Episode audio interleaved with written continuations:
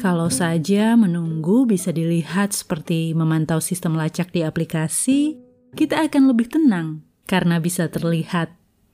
Tapi, tak semua penantian dapat dilihat dengan cara demikian.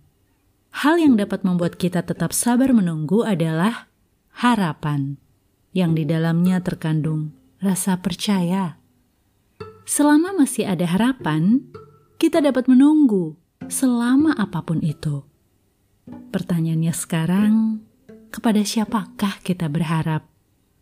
Dan apakah ia dapat dipercaya?